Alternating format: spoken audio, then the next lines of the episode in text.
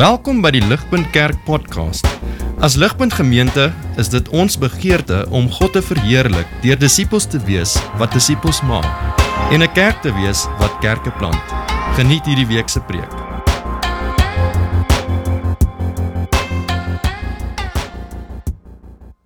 Vriende, ek eh, ek dink ons almal het al gesien hè met kinders, jong kinders, kleuters.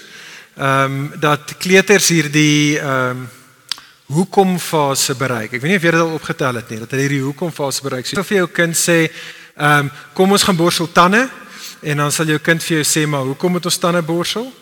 Dan sê vir jou kind want anders te gaan Kobus kiem, ons tande vrot maak en ons tande gaan uitval. En dan sê jou kind, maar hoekom kort ek tande? En dan en dan sê jy vir jou kind want as jy nie tande het nie, kan jy nie kou nie en as jy nie kan kou nie, gaan jy nie kan eet nie en dan gaan jy doodgaan. En dan vra jou kind vir jou, maar hoekom gaan ons as mense dood? En dan is jy in daai moeilike gesprek. En en die realiteit is dat dit in die begin is dit cute. In die begin as jou kind heeltyd sê hoekom en vra hoekom as dit vir ons oulik. Maar soos wat hulle ouer word dan raak mens later gefrustreerd. Jy kom op daai punt as ouers okay ek het dit al gedoen 'n paar keer waar jy sê luister jy doen dit want ek sê so. Doen dit net want ek sê so. En dit werk vir 'n kort rukkie. Dit werk vir 'n kort rukkie in jou kinders se lewens of hulle sê doen dit want ek sê so Maar daar kom 'n stadium in 'n lewe wat dit nie meer werk nie. Dit werk nie meer nie vriende want ons as mense benodig 'n hoekom. Ons as die mensdom is 'n spesies wie se optrede altyd voortspruit uit oortuigings uit. Altyd. Dit is hoe ons werk. Ons is 'n mense, die dinge wat ons doen, vriende, doen ons nie net omdat ons het nie net nodig om te weet wat om te doen nie. Ons benodig ook die wand. 'n Paar jaar gelede wat daar 'n boek uitgekom deur die ou met die naam van Simon Sinek, hy's een van hierdie leierskaps uh, experts en hy het 'n boek geskryf wat hy getitel het Start with the why. En in die boek wat hy doen is hy gaan kyk deur geskiedenis na na na groot leiers wat wat wat die mensdom gemobiliseer het tot dinge en wat hy sê die een ding wat al daardie groot leiers in alle industrieë in gemeen gehad het is dat hulle se mense wat begin met die hoekom. Hulle se mense wat besef dat as jy ander en jouself, maar as jy ander wil mobiliseer, dan het jy eers nodig om mense te motiveer. Hy gaan kyk na hoe ons breine werk en hy en hy sê dat selfs hoe die mense brein werk, daai gedeelte in ons breine wat ons kry om dinge te doen spring regtig in werking soos wat ons eers op daai punt is waar ons die hoekom verstaan het waar ons gemotiveer is deur goeie redes om dinge dan te doen. En vriende dieselfde beginsel sien ons ook uitspeel wanneer dit kom by ons verhouding God. Dieselfde beginsel is ook hoe dit werk in ons interaksie met God. As jy na die Bybel kyk, vriende, die Bybel is vol van opdragte. Die Bybel is vol van God se moeds en moenies aan ons. Maar vir elke ding, vriende, waartot God ons roep, gee God vir ons eers 'n rede. Daar's redes wat God vir ons gee soos wat hy ons roep tot dinge en hierdie beginsel vriende sien ons ook uitspeel in die boek van Jona. Dit is hoe ek en jy kan sin maak van die boek van Jona. As jy hierso was saam met ons laas week, sal jy onthou ons het gesê dat daar's een groot opdrag wat regtig die boek Jona oorgaan. Die opdrag vind ons in die heel eerste twee woorde van die boek van Jona.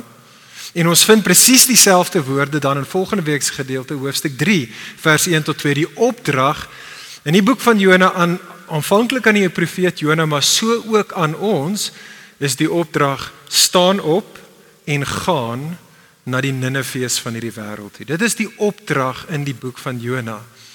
Maar vriende, soos wat God vir Jona en soos wat God ons roep om op te staan en te gaan na ons Nineveh toe, soos wat God ons roep om sendelinge te wees, is die boek van Jona daar eers om in die eerste plek vir ons die hoekom te gee, die want te gee, die redes te gee hoekom ons inderdaad sendelinge behoort te wees. En en wat ons laasweek gesê het is daar's hierdie vier kort hoofstukke in die boek en in elkeen van die hoofstukke is daar 'n interaksie tussen God en Jona.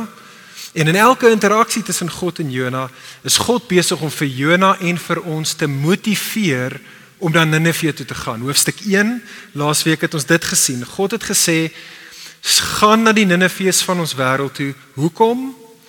Want ek is die verhewe God. Ek is die verhewe God en so julle hoef nie bang te wees vir die Ninivees van julle lewens nie. In vandag se gedeelte hoofstuk 2 gaan ons die volgende sien en ek sê dit vir ons aan die begin en dan sal ons na die storie kyk.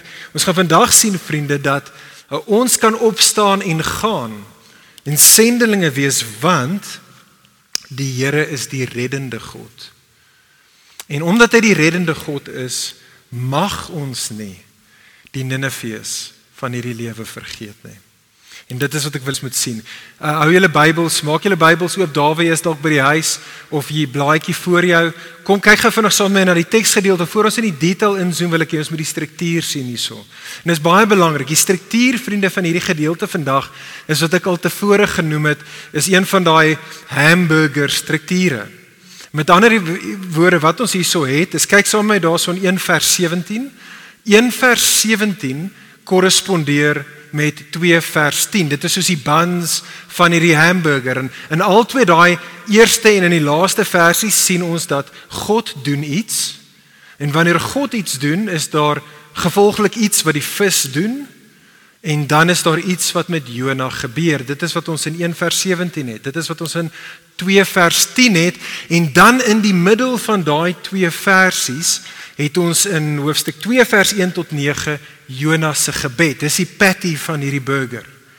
En dit is daai gebed van Jona waarop ons ons tyd vandag wil spandeer. Dit is daai gebed wat ons op wil fokus en hier in Jonas se gebed, vriende.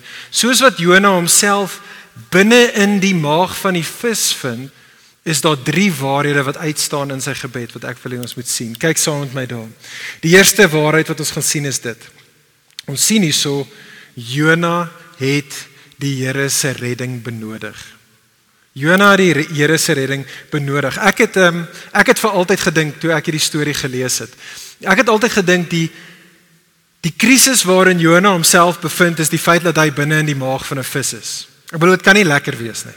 Uh so 3 weke terug, ek weet nie of julle dit gesien het in die koerante nie, maar jy kan dit gaan gaan Google en daar's uh uh daar's 'n klomp artikels oor dit. 3 weke gelede in Amerika was daar 'n ou, hy's 'n um, Sy naam is Michael Packard en hy is 'n professionele kreefduiker. Hy's 'n lobster diver. 3 weke gelede was Michael Packard in Cape Cod deur 'n walvis ingesluk. True story, daar was getuies. Julle kan daarna gaan kyk. En Michael Packard vertel vir hoe hy hy was net vir 'n minuut of so binne in die walvis gewees, maar hy vertel van hoe totaal en angsbevange hy was en hoe hy uitgespoeg was en hoe hy in die hospitaal opgeëindig het, hy het gedogheid bene gebreek en alles, maar hy was oukei okay op die einde. Uh, maar, maar jy kan nie dink dit kan nie lekker wees om deur 'n vis ingesluk te word nie, maar maar vriende, dit is nie die krisis waarna hierdie storie verwys nie. Kyk saam met my daarso in die gedeelte. Vriende, die krisis hier is nie vers 1 dat Jonah homself in the belly of the fish bevind nie. Die krisis van die gedeelte is eerder kyk na vers 2. Dis in die verlede tyd. Dit was dat Jona homself in in the belly of Sheol bevind het. Nou Sheol is in die Ou Testament verwys Sheol na die doderyk.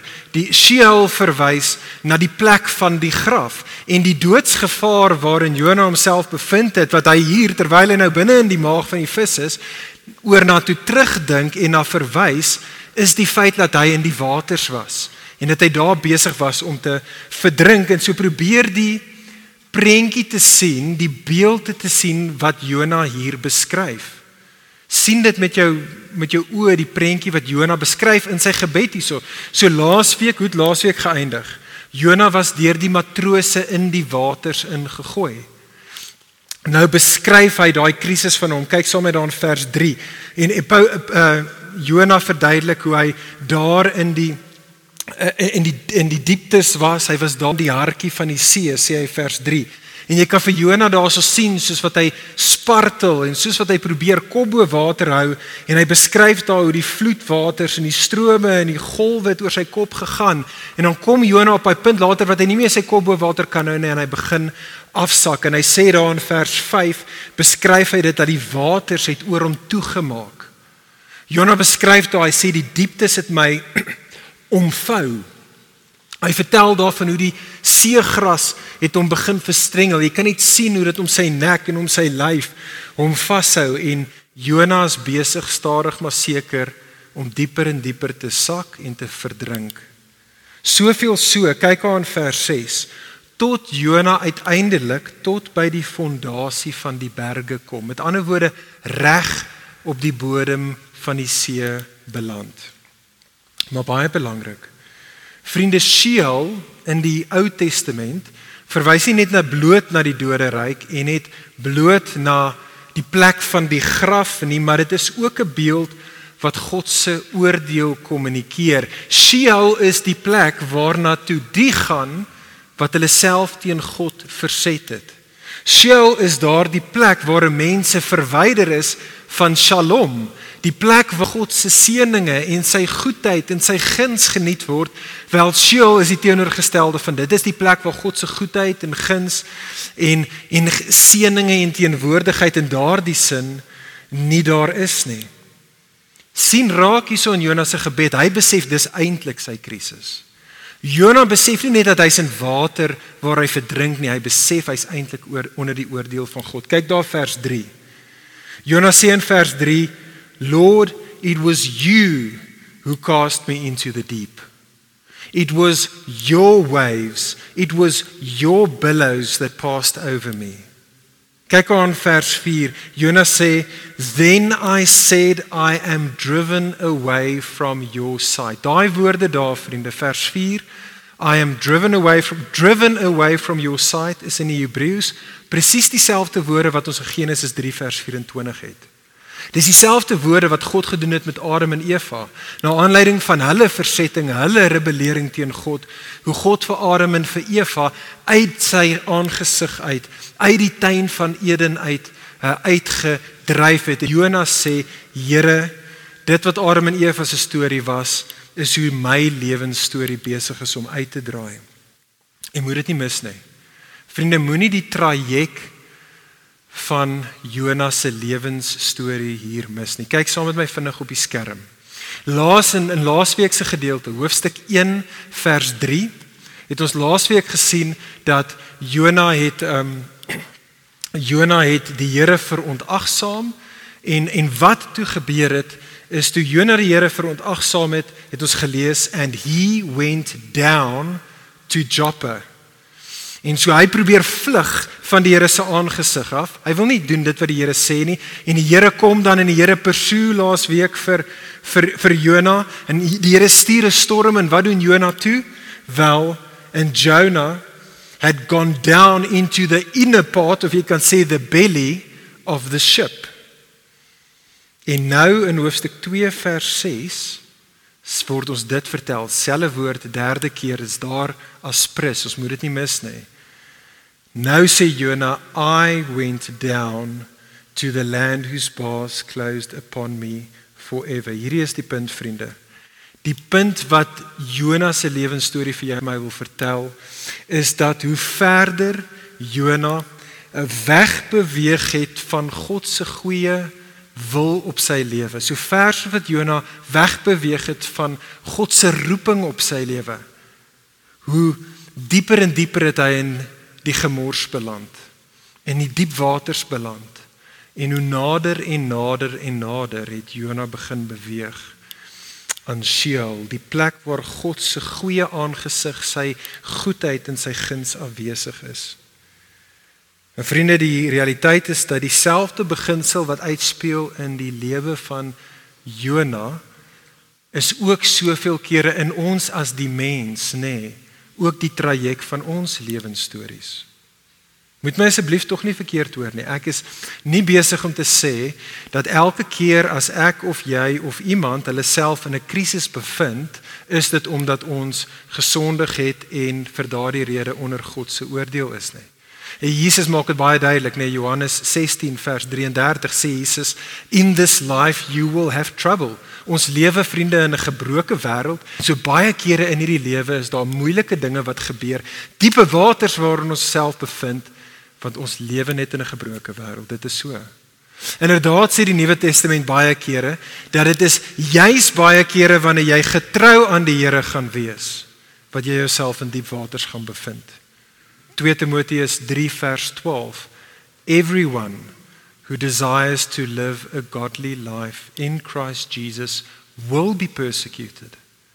So so dit is inderdaad waar. Ons moet nooit daai waarhede vergeet nie, vriende, maar ons moet ook nie hierdie waarheid van jo, uh, van van Jona hoofstuk 2 ons moenie hierdie waarheid ook vergeet nie, want hierdie moet ook onthou word. Die waarheid wat ons hier sien, vriende, net soos Jona, is dat wanneer ons as 'n mense, individueel, maar dit kan ook kollektief waar wees van ons as 'n groep mense of die mensdom Vriende, wanneer ons willens en wetens in die teenoorgestelde rigting as God en sy wil beweeg, sal ons lewens mettertyd toenemend afwaarts spiraal. En dit maak tog sin, doen dit nê?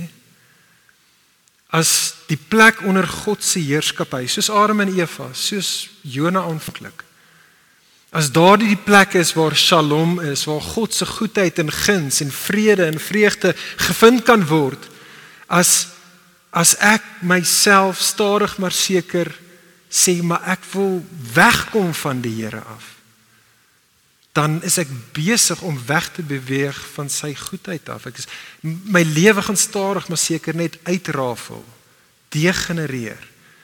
En indien iets nie gebeur nie, uiteindelik opeindig in Sheol die plek waar God se goedheid en guns nie meer teenwoordig is nie. Maar hoor mooi. Vriende, hoor asseblief mooi. 'n God wat 'n mense, dalk jou en my, op sulke lewenspaadjies laat afgaan, want ons moet dit nie vergeet nie, dit was God wat net die storm gestuur het vir Jona. Dit was God gewees wat toegesien het dat die matrose hom in die water gooi.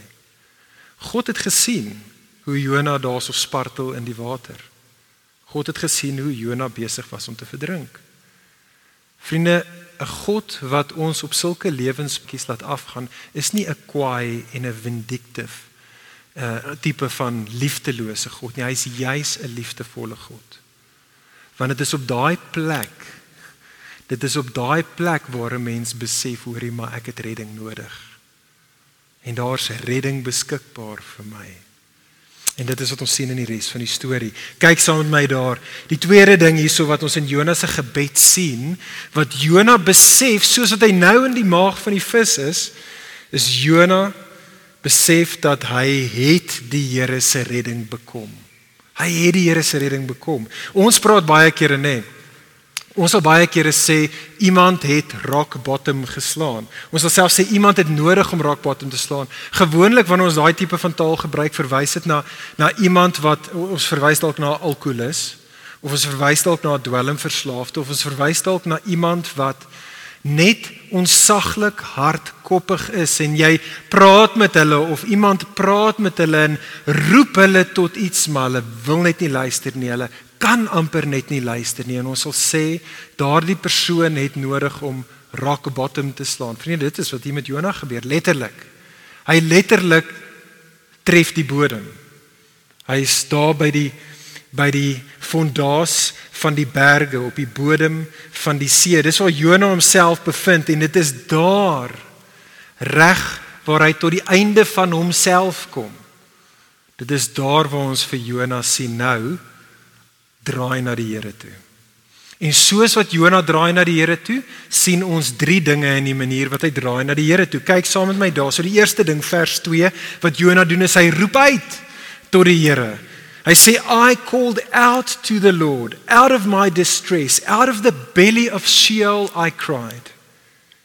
Maar die tweede ding wat ons hier sien is hy roep nie net uit nie, maar ons sien hoe hy uitroep na die Here toe. En die eerste ding wat Jona hierso doen is hy erken en hy bely sy sondeskuld. Vers 4 hy sê I am driven away from your sight. Met ander woorde, Here, hoofstuk 1 vers 3 Ek was die een wat besluit het om uit u goeie aangesig uit te kom en nou het ek presies gekry wat ek eintlik gesoek het.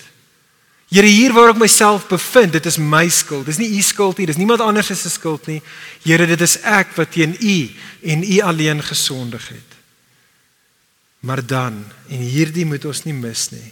Die derde ding vriende wat ons hierso sien wat Jona doen daar op die bodems van die see, daar waar hy tot die einde van homself kom, is Jona het staat gemaak op die Here se reddende genade. sien jy daarso die tweede helfte van vers 4? Yet yet shall I again look upon your holy temple.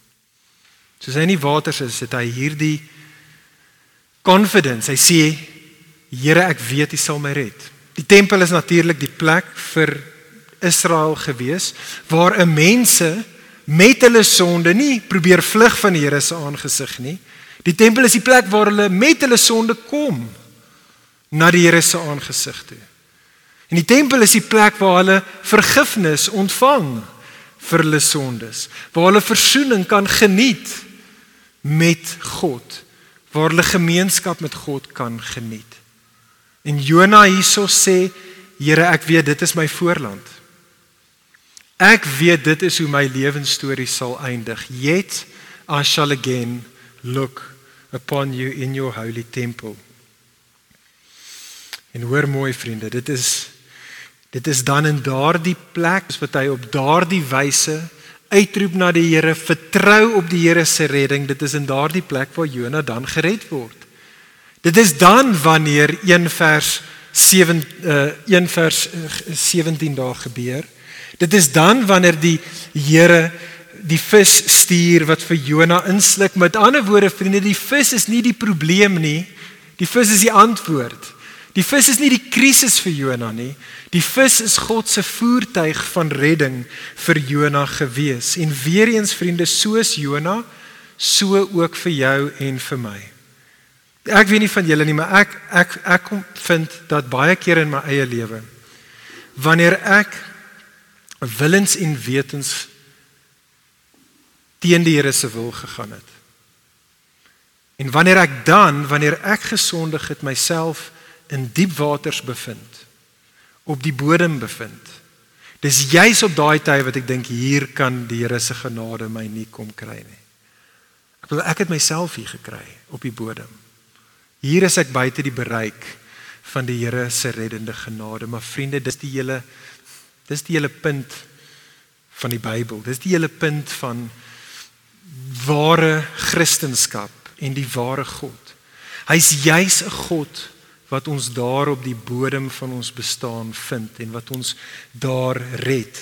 Daar waar ek en jy rock bottom slaan, dit is daar waar ons die reddende genade van die ware God ontmoet. Dit is in die laagste oomblikke van ons lewe waar ons vir God vind. Kyk hierdie kyk die woorde saam met my Jesaja 57 vers 15 hierdie pragtige pragtige vers soos die profeet Jesaja hier namens die Here praat. So sê hy wat hoog en verhewe is. Hy wat ewig lewe en wie se naam heilig is. Ek woon in 'n hoë en 'n heilige plek en ek woon ook by hom wat gebroke en nederig is. Ek gee nuwe krag aan die nederiges en ek gee nuwe krag aan die wat gebroke is of die wat verdruk is. So vriende, kom ons hoor dit. En kom ek en jy hou op om in die waters te probeer spartel en swem. Kom ek en jy hou op om onsself te probeer red. En kom ons doen dit wat Jona daarso doen in hoofstuk 1 vers 7. 1 vers 7. Kom ons doen dit. Jona sê when my life was fainting away, I remembered the Lord. Vriende, kom ons onthou die Here. Kom ons onthou die Here. Kom ons doen presies dit wat Jona hier gedoen het in vers 2 tot 4. Kom ons wees se mense wat uitroep tot die Here. En ons roep uit tot die Here en sê Here, red ons. Red my want ek kan nie myself red nie. En Here, ek besef dat ek vind myself in hierdie spreekwoordelike diep diep waters waar ek is, Here, weens my sonde, niemand anders se sonde nie. Kom ons hou op ander mense die skuld gee. Kom ons roep uit tot die Here sê Here, ek het redding nodig. Ek kan nie myself red nie. Ek bevind myself hier weens my sonde. En Here, ek weet U sal my red. Julle kom ons maak staat dat die Here kan en wil en sal ons red. Die vraag is hoe kan ons seker wees? Mense dink, mm, ek kan dalk uitroep na die Here toe om my te red, maar ek kan nie seker dat hy my sal red nie. Die antwoord is jy kan. Jy kan net soos Jona kan ek en jy seker wees die Here kan en sal ons red. Hoekom kan ons seker wees? Want vriende, die Here het vir ons 'n teken gegee. Die Here het vir ons 'n teken gegee. Kyk saam met my Matteus 12. Net voor ek die die die woorde vir ons lees van Matteus 12, nog nie dadelik daarna kyk nie. Maar uh wat ons het in Matteus 12 is Jesus en daar's Fariseërs wat na Jesus toe kom en die Fariseërs wat na Jesus toe kom is nie oortuig dat Jesus is God se redder nie. Hulle sê vir Jesus daarso, Jesus gee vir ons 'n teken. Jesus gee vir ons 'n teken dat ons kan seker wees dat jy is God se redder. En dan sê God hierdie woorde vir die Fariseërs. Ek lees vir ons Matteus 12 vers 39 tot 41. Jesus sê an evil and an adulterous generation seeks for a sign, but no sign will be given it except the sign of the prophet Jonah. For just as Jonah was 3 days and 3 nights in the belly of the great fish, so will the Son of Man be three days and three nights in the heart of the earth. The men of Nineveh will rise up at the judgment with generation and condemn it, for they repented at the preaching of Jonah, and behold, something or someone greater than Jonah is here. Jesus said, or act is groter. Ek is beter as Jona. Hierdie is hoekom ek beter is sê Jesus. Hierdie is hoekom ek beter is as Jona want anderste as die eerste Jona wat in God se oordeelswaters opgeëindig het weens sy sonde is Jesus die Jona wat in God se oordeelswaters ingeëindig het nie vir sy sonde nie vriende maar vir jou en vir my sonde. Vers 4 Jesus op die kruis was die een wat uit God se goeie aangesig uit verwyder was. My God, my God, waarom het U my verlaat? Vriende, sodat ek en jy nooit nooit ooit God verlaat hoef te wees nie. En Jesus is die beter Jona want anders as die eerste Jona vers 6 wat uit die put uit sy lewe was opgewek sê die teks daar uit die put van die waters uit bloot net vir sy eie toe doen was Jesus uit sy grafput uit lewend gemaak en opgewek nie net vir sy vir homself nie maar vir jou en vir my. Sodat ons nou vers 7 mense kan wees wie se lewens nooit sal wegvyn nie. Ons lewens sal nooit wegkwai nie want ons is in hom. Vriende hoor mooi Jesus is God se bevestiging aan jou en aan my dat God ons kan red en dat hy ons sal red. Inderdaad, dit is wat Jesus se naam beteken. Jesus se naam beteken die Here red. Dis letterlik wat sy naam beteken om ander beeldspraak te gebruik uit hierdie hoofstuk uit. Vriende, Jesus is as dit ware soos die vis wat God vir ons gestuur het. Die een waarin ek en jy veilig skuilings kan vind van God se oordeelswaters. En dit is in daardie plek veilig binne in Jesus.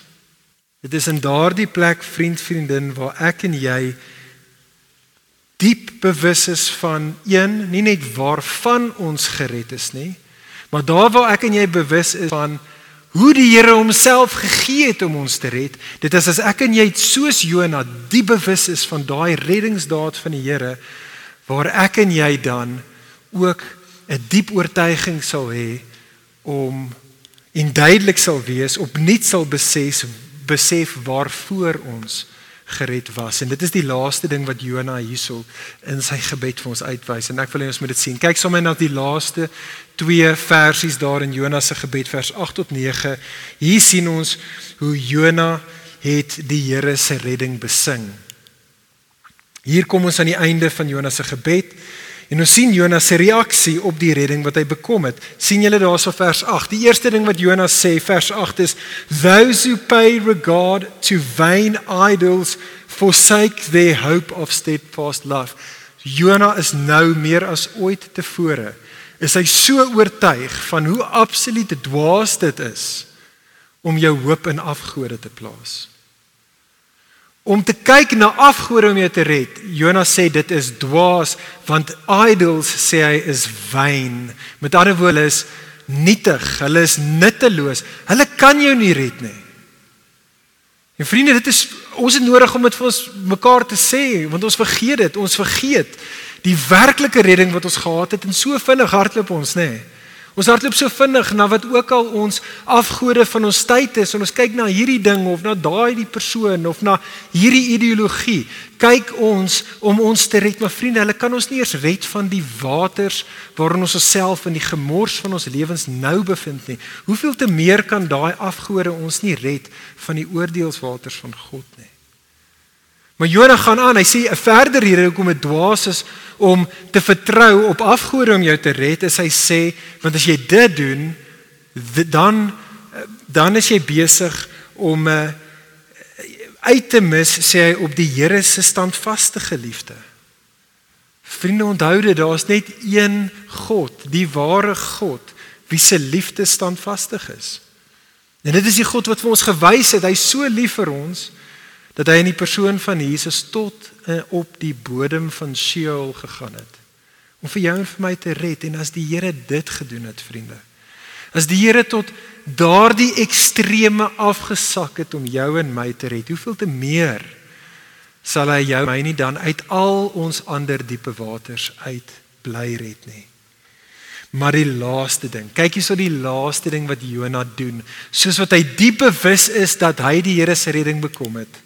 Die laaste ding waarop hy op eindig, sê hy daar in vers 9. Hy sê I with the voice of thanksgiving will sacrifice to you what what I have vowed I will pay. Salvation belongs to the Lord. Hier reg op die einde is die klimaks van sy gebed. Hierso sien ons 'n Jona wat dankbaar is vir sy redding. Maar sy dankbaarheid lei tot gehoorsaamheid. I with thanksgiving will sacrifice to the Lord what I have vowed I will pay. Sy dankbaarheid lei tot gehoorsaamheid, gehoorsaamheid aan wat? Aan die opdrag van hoofstuk 1 vers 1 en 2. Die opdrag wat nou net in die volgende verse hierna, hoofstuk 3 vers 1 tot 2 gaan wees. Jonas sê hier in die maag van die vis: "Here, U het my gered en ek sal gaan. Ek sal gaan Ninive toe." Ek sal gaan na Ninive toe. Hoekom? Want salvation belongs to the Lord. Dis een van die dinge wat ons doen in ons land. Ek dis veral dink ek in Suid-Afrika 'n groot 'n groot debat op hierdie stadium, 'n groot striweling is is oor wat is die verantwoordelikheid van ons wat privileged is en wat is ons verantwoordelikheid teenoor ander? Wat is die verantwoordelikheid van die wat het teenoor die wat nie het nie? Nou in die konteks waar ons in 'n politieke sosiologiese ehm um, plek oor dit praat, dan is die ding wat dadelik in ons harte opkom, nê, nee, by ons is maar ek het nie nodig hier om ander te help nie, want dit wat ek het, het ek voor gewerk. Dis myne, ek het daarvoor gewerk. En dit is wat ons baie kere sal sê. En daai is 'n gesprek dalk vir 'n ander dag. Maar vriende, wanneer dit kom by ons redding, is dit nie 'n privilege wat ek en jy voor gewerk het nie.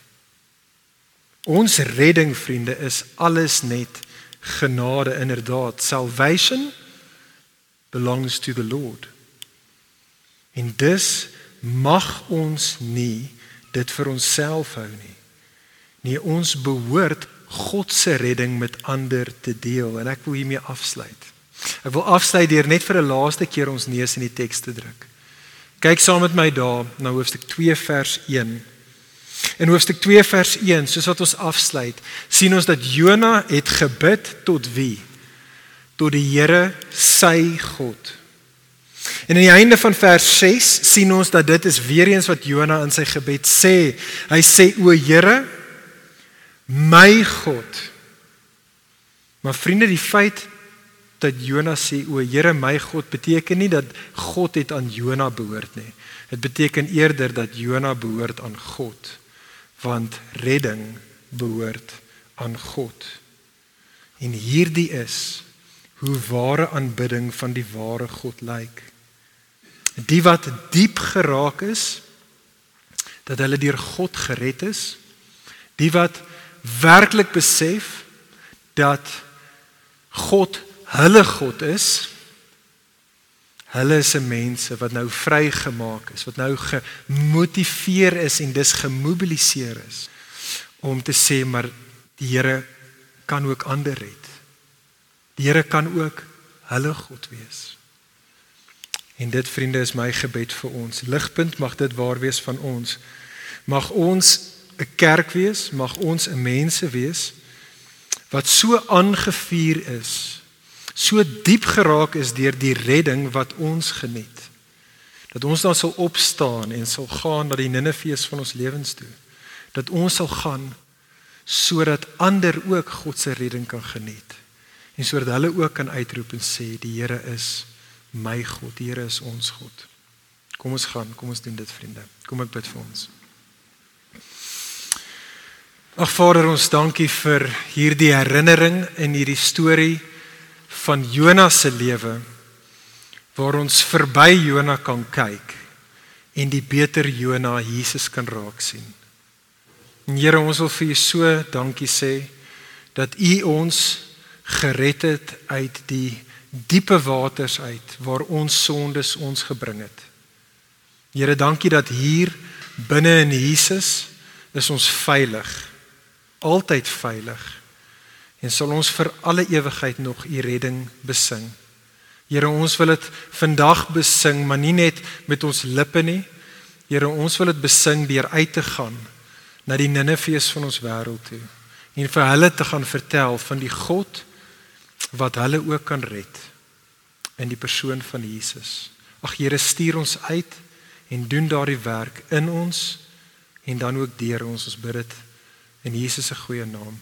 Amen. Vir meer inligting oor Ligpunt Kerk, besoek gerus ons webwerf op www.ligpunt.com of kontak ons gerus by info@ligpunt.com